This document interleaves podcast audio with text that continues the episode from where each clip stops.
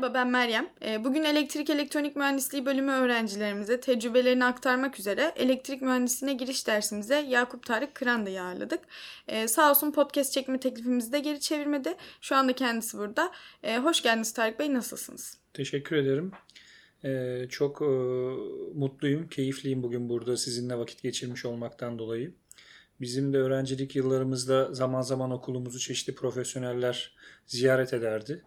Onların e, bizim e, vizyonumuzun genişlemesinde ne kadar faydalı olduğunu biliyorum. Eğer bugün ben de biraz olsun bu konuda bir şeyler, e, bir fayda yaratabildiysem burada bu beni daha da mutlu eder. Teşekkür ediyorum beni ağırladığınız için. Biz teşekkür ederiz. Biz de çok mutlu olduk geldiğiniz için. Ee, ilk sorumla başlamak istiyorum izninizle.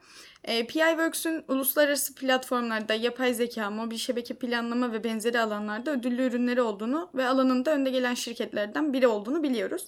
Ee, ama bizzat şirketin içinde biri olarak sizden PIWorks'ün şu anki konumunu ve geleceğe dair plan projelerini aynı zamanda yani sizin de şirket şirketin ürün müdürü olarak hı hı. hani sizden dinlemek istiyoruz hı hı. biraz.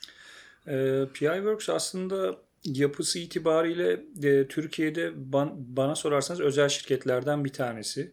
E, yaklaşık 4,5 senedir bu şirketin e, altında çeşitli farklı görevlerde bulundum. Bulunmaya da devam ediyorum.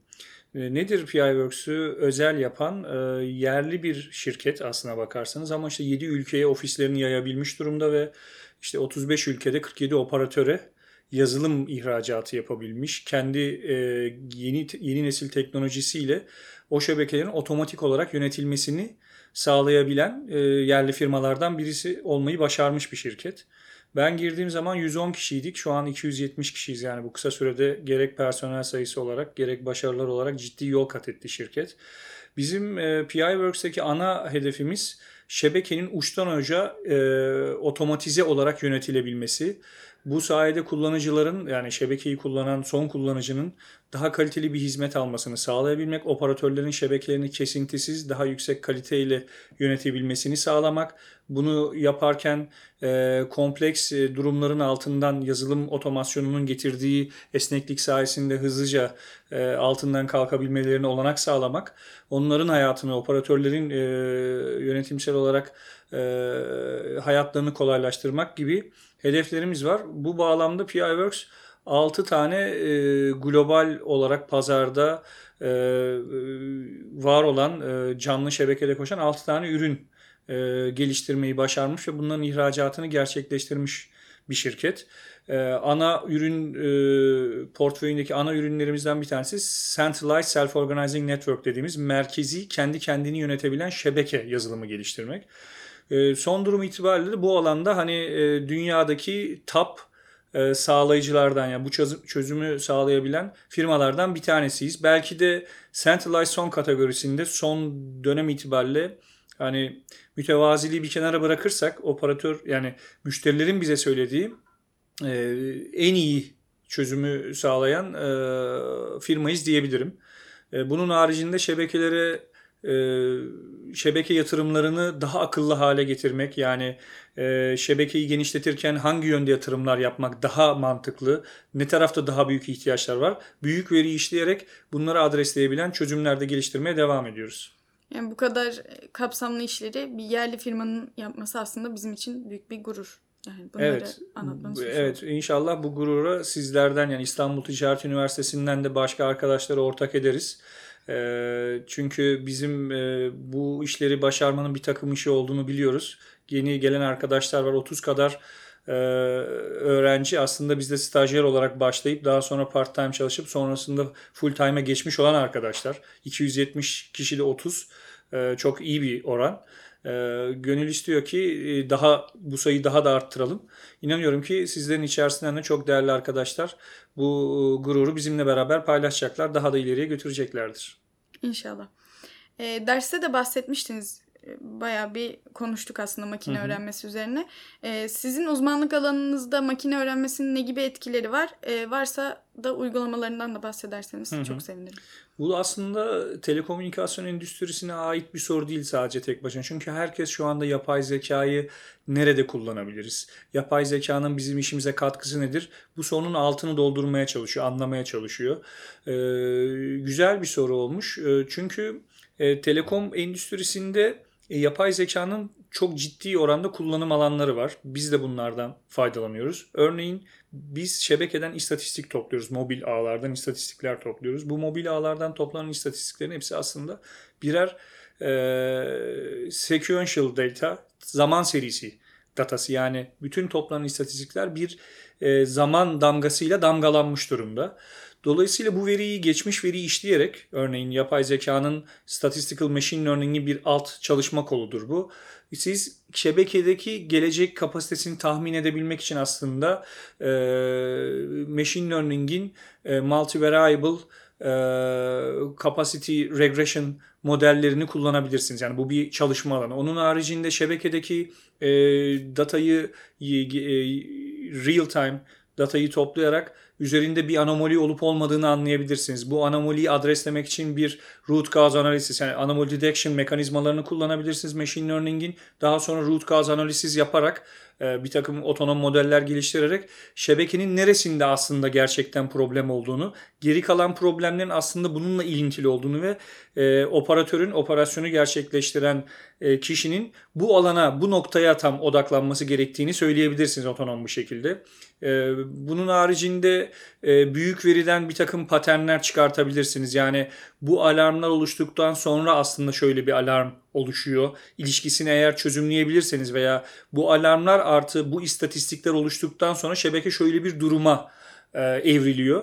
Bu ilişkiyi çıkartabilirseniz o durumlar oluşmaya başladığında siz zaman kaybetmeden proaktif bir aksiyon alabilirsiniz. E, classification, clustering yöntemleri çok yaygın olarak kullanılabiliyor. Yani şebekenin her bölgesine aynı şekilde davranamazsınız. E, örneğin highway'ler yani e, otoyolların üzerindeki baz istasyonlarına farklı işte yüksek e, kapasite tüketen VIP user'ların olduğu yere başka parametrelerle e, aksiyonlar almak zorunda kalabilirsiniz. Bu tarz ayrıştırmaları yapabilmek noktasında da biz istatistik, istatistiksel machine learning'i kullanıyoruz arka tarafta. Onun haricinde recurrent neural network kullanarak long term zaman serisi tahminleme vesaire gibi konuları konuşuyoruz. Yani özetle aslında çok fazla kullanım alanı var. Ben sadece bunlardan birkaç tanesini söyleyebilirim. Yani çok farklı e, konuda çok fazlasıyla işinizi kolaylaştırıyor. Aynen öyle. Aynen öyle. E, peki Tarık Bey son bir soru daha sormak istiyorum size. E, genel olarak telekom alanına ilgi duyan öğrencilerin e, ve mühendislerin sahip olması gereken işte yazılım bilgisi, teknik donanım, kavramsal konular gibi e, genel hani bilgi bütünlerinin kısa, orta ve uzun vade olmak üzere bunları sıralayabilir misiniz? E, bir de bu aralar Python hani fazlasıyla revaçta. Hı hı hı. Bu ve benzeri ne gibi şeyler olabilir? Hı hı. Ee, aslında yazılım hani sorunun içerisinde de bahsettiniz. Yazılımı e, geliştirebiliyor olmak ne kadar önemli şimdiki öğrenciler için. Yani bakın hangi mesleği yaparsanız yapın. E, gelecekte bir şeyi programlayabilme, bir sistemi programlayabilme çok kritik bir e, yetenek. E, hani bugün nasıl İngilizce bilmek bizim için artık böyle defakto bir standart haline geldiyse yani İngilizce artık hani çok sorulmuyor bile. Zaten biliyordur gibi yaklaşılıyor. E, yazılım da yakın gelecekte e, bu seviyeye evrilmiş olacak. Nitekim zaten Avrupa'da ve Amerika'da e, elementary school seviyesinde, ilkokul seviyesinde yazılım eğitimi verildiğini görüyorsunuz. E, yeni nesil zaten dijital dünyanın içine doğmuş olarak geliyor. Dolayısıyla bizim bütün sistemleri programatik olarak yönetebilme gereksinimimiz var. Bu bir elektrik elektronik mühendisi için, bir bilgisayar mühendisi zaten bu alandan geliyor. Bir elektrik elektronik mühendisi için, bir kimya mühendisi için, bir makine mühendisi için de artık elzem bir hal oluyor. Dolayısıyla yazılım çok önemli. Ama yazılımın tabii ki yazılım bir okyanus ve e, insanlar genellikle bir dili öğrenmeye ve o dili dilin alt e, işte yeteneklerine çok odaklanıyor. Bizim zamanımızda çok eskiden ben mezun olurken e, C Sharp mı Java mı falan çünkü C Sharp 2001 yılında ortaya çıkmış bir dil. 2005'lerdeki konu oydu Java mı C Sharp mı bilmem ne. Bakın ben bu yolda en az 20 kadar programlama dili öğrenmiş en az 17-18 tanesini unutmuşumdur bu yolda ilerlerken 15 senelik iş hayatımın içerisinde. Hala yeni bir dil çıktığı zaman eğer o benim için bir ihtiyacı karşılayabiliyorsa bunu öğrenip geçiyorum. Python benim için bir araçtır mesela. İnsanlar Python'ı bir amaç haline getiriyorlar. Hayır, bir programlama dili sizin için sadece bir araçtır. O aracı kullanırsınız, amacınızı gerçekleştirirsiniz. Eğer hala amaçlarınıza hizmet ediyorsa ardışık yıllar içerisinde kullanmaya devam edersiniz. Ve dillerin de ömürleri olabiliyor veya diller belli alanlarda uzmanlaşabiliyor. İlerle C Sharp güçlü bir dil. Java da çok güçlü bir dil. C++ bunların ikisinin atası. Ama buna rağmen C, C++'dan buraya bir evrilme ihtiyacı oldu. Dolayısıyla yani Python bugün revaçta çünkü çok geniş bir kütüphane zenginliği var. Öğrenmesi kolay bir dil. Çok fazla da materyal var internette kolaylıkla öğrenebileceğiniz. Öğrenci arkadaşlar zaten online kursları kesinlikle takip etmeli. MIT'nin, Stanford'ın curriculumları şu anda açık. Birçok dersi alabiliyorsunuz. Biz bile oturuyoruz. E, işte advanced courses'ları alıyoruz ki işimizde bunları kullanabilelim diye takip ediyoruz. Sorular soruyoruz oradaki hocalara. Bu çok ciddi bir avantaj. Python dili çok güçlü bir dil özellikle yapay zeka alanında, data science tarafında. R gibi başka bunu destekleyen istatistikçilerin çok kullandığı diller var. Ama ihtiyacınız varsa Python'a onu öğrenirsiniz bir proje dahilinde bir şeyi öğrenmeyi ben tavsiye ediyorum arkadaşlara. O projede bir zaman serisi isteyecekseniz zaman serisi kütüphanelerine baktığınız zaman da Python çok yaygınsa alıp Python'ı devam edebilirsiniz. Veya bir e, yapay sinir ağı oluşturacaksanız çok katmanlı işte TensorFlow framework'üne bakabilirsiniz. Keras'a bakabilirsiniz. İhtiyacınız dahilinde odaklanın. Yani hep kafanızda bir bir şeyi öğrenmek, bir problemi, bir bir sorunu çözmek olsun. O yolda giderken öğreneceğiniz şeylere bakın. Bu noktada ama çok yaygın karşınıza çıkacak şeylerden ben sadece bahsetmek istiyorum. Bir tanesi yazılım bilgisi. Mutlaka yazılım bilgisini, e, yazılım konusunda biraz deneyim kazanmak ciddi avantajlar. İki, veriden anlamak. Çünkü geçmişte veriyi depolamak çok maliyetliydi. Ve böyle bir departmanlar vizyon yoktu açıkçası. Historik veri çöpe gidiyordu. Şimdi ciddi anlamda e, geçmiş e, verisi saklanıyor birçok firmada ama insanlar şu anda o veriden nasıl anlam çıkartırız? O veriyi kendi işlerimizi, proseslerimizi e, iyileştirmek için nasıl kullanabiliriz? Bunun altını doldurmak istiyorlar. Ama siz veriyi yorumlayamıyorsanız, veriyi sorgulayamıyorsanız yani e, buna zaten baştan e, şey değilsiniz yani hakim değilsiniz yani bu bu fırsatı kaçırıyorsunuz. Dolayısıyla veriden anlamak, veriyi sorgulayabilmek yani bir bir veri tabanı yönetim sistemiyle çalışmak da en az yazılım kadar önemli. Üçüncü konu az önce bahsettiğim veriyi yorumlama. Veriyi yorumlama aslında istatistikten başlıyor. Yani bizim işte probability and statistics e, dediğimiz ders iş hayatında benim için mesela çok kritik bir ders oldu. Ee, ve e, veriyi başka türlü nasıl yorumlanabilir ben e, tasavvur edemiyorum. Dolayısıyla istatistik dersini dinlerken çok temel sorun. Yani bu dağılım tipini niye bulmuşlar? Bu dağılım tipi benim iş hayatında ne, ne ihtiyacımı karşılayacak? Bunu sormak çok kritik. Ya da lineerce bir mesela yapay zeka alanında ilerlemek isteyen arkadaşların çok kritik. Yani matris neden var? Bir matrisin determinantını niye hesaplıyoruz? Ya determinantı bulan insan neden bunu bulmuş olabilir? Bütün bu soruları sorarak matematik altyapısını, lineer cebiri ve istatistiği oluşturmak lazım. Yani logaritmayı niye bulmuş insanoğlu? Bu sorunun yanıtlarını bulduğunuz zaman bu, bu, bu yanıtlar size analoji yaparak bambaşka alanlarda yepyeni çözümleri sizin üretmenize sağlayacak her şeyden önce. Bir de böyle bir gelişim e, gelişiminize bir de böyle katkısı var. Ee, onun haricinde elektrik elektronik mühendisliği öğrencileri için Digital Signal Processing dersinin çok e, önemli olduğunu biliyorum. Çünkü o dersi almış arkadaşların hem matematik altyapısı hem de dağılımlarla yani çalışma şeklinin ben e, çok daha ileri olduğunu gördüm. Kendim bu dersi almadım. Ben bilgisayar mühendisliği ve endüstri mühendisliği lisans mezunuyum. E, ama o dersin faydalarını aldıklarını çevremde gözleyebiliyorum. E, ve yapay zeka konusunda da biraz uzmanlaşmanın çok e, fayda sağlayacağını inanıyorum. Çünkü gelecekteki birçok meslek dalını yapay zeka e, değiştiriyor olacak. O değişime adapte olabilmek için biraz bu konularda deneyim sahibi olmak ve bir takım projelerde kullanmak oldukça faydalı.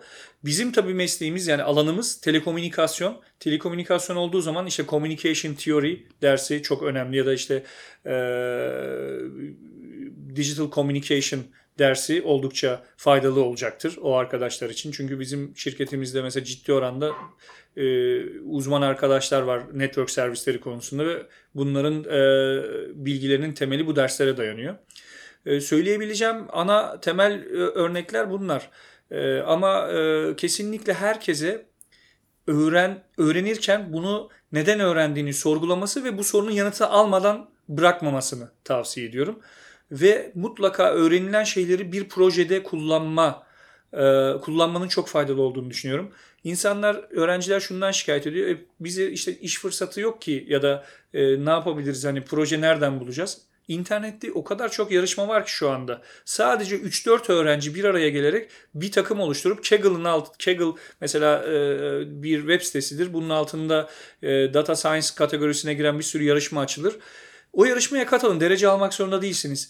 Gün sonunda siz e, oradaki kernel'ları yani orada başkalarının onu çözerken neler yaptığını okuyabilme şansınız var. Ve siz kafa yorduğunuz bir şeyin cevabını okurken çok daha iyi öğreniyorsunuz. E, yarışmalarda e, performans gösterin, kendinizi ölçün, staj yapmaya çalışın, uzun dönemli staj yapmaya çalışın. Yani bir aylık değil yani 2-3 aylık staj yapmaya çalışın. Varsa şansınız part-time olanaklar sunuyorsa part-time çalışma e, fırsatınız varsa 4. sınıfı özellikle bu alanda değerlendirin. TÜBİTAK'ın açtığı çeşitli yarışmalar, projeler var. Bunlara katılın. O deneyimi e, sağlayın okul bitmeden derim arkadaşlara. Az önce de söylediniz aslında hani e, biz bile hala ders çalışıyoruz diye. E, bunların yanında ek olarak da öğrenme sürecinin aslında hiçbir zaman bitmediği ve kişilerin e, sürekli yeni bilgilere, yeni e, gelişimlere karşı açık Kesinlikle. olması gerektiğini de vurgulamış oldunuz. Kesinlikle. E, Tarık Bey değerli vaktinizi ayırdığınız için çok teşekkür ederiz. E, öğrencilerimizle e, tecrübelerinizi paylaştınız. Aynı zamanda şu anda dinleyicilerimizle de paylaştınız. E, tekrar çok teşekkür ediyoruz. İnşallah teşekkür sizi ederim. iyi ağırlayabilmişizdir. E, iş hayatınızda da başarılar diliyoruz. Çok teşekkür ediyorum. Ben de size başarılar diliyorum. Bugünkü podcastimizin de sonuna geldik. Tarık Bey'e verdiği bilgiler için ve sizleri de dinlediğiniz için çok teşekkür ederiz. Görüşmek üzere.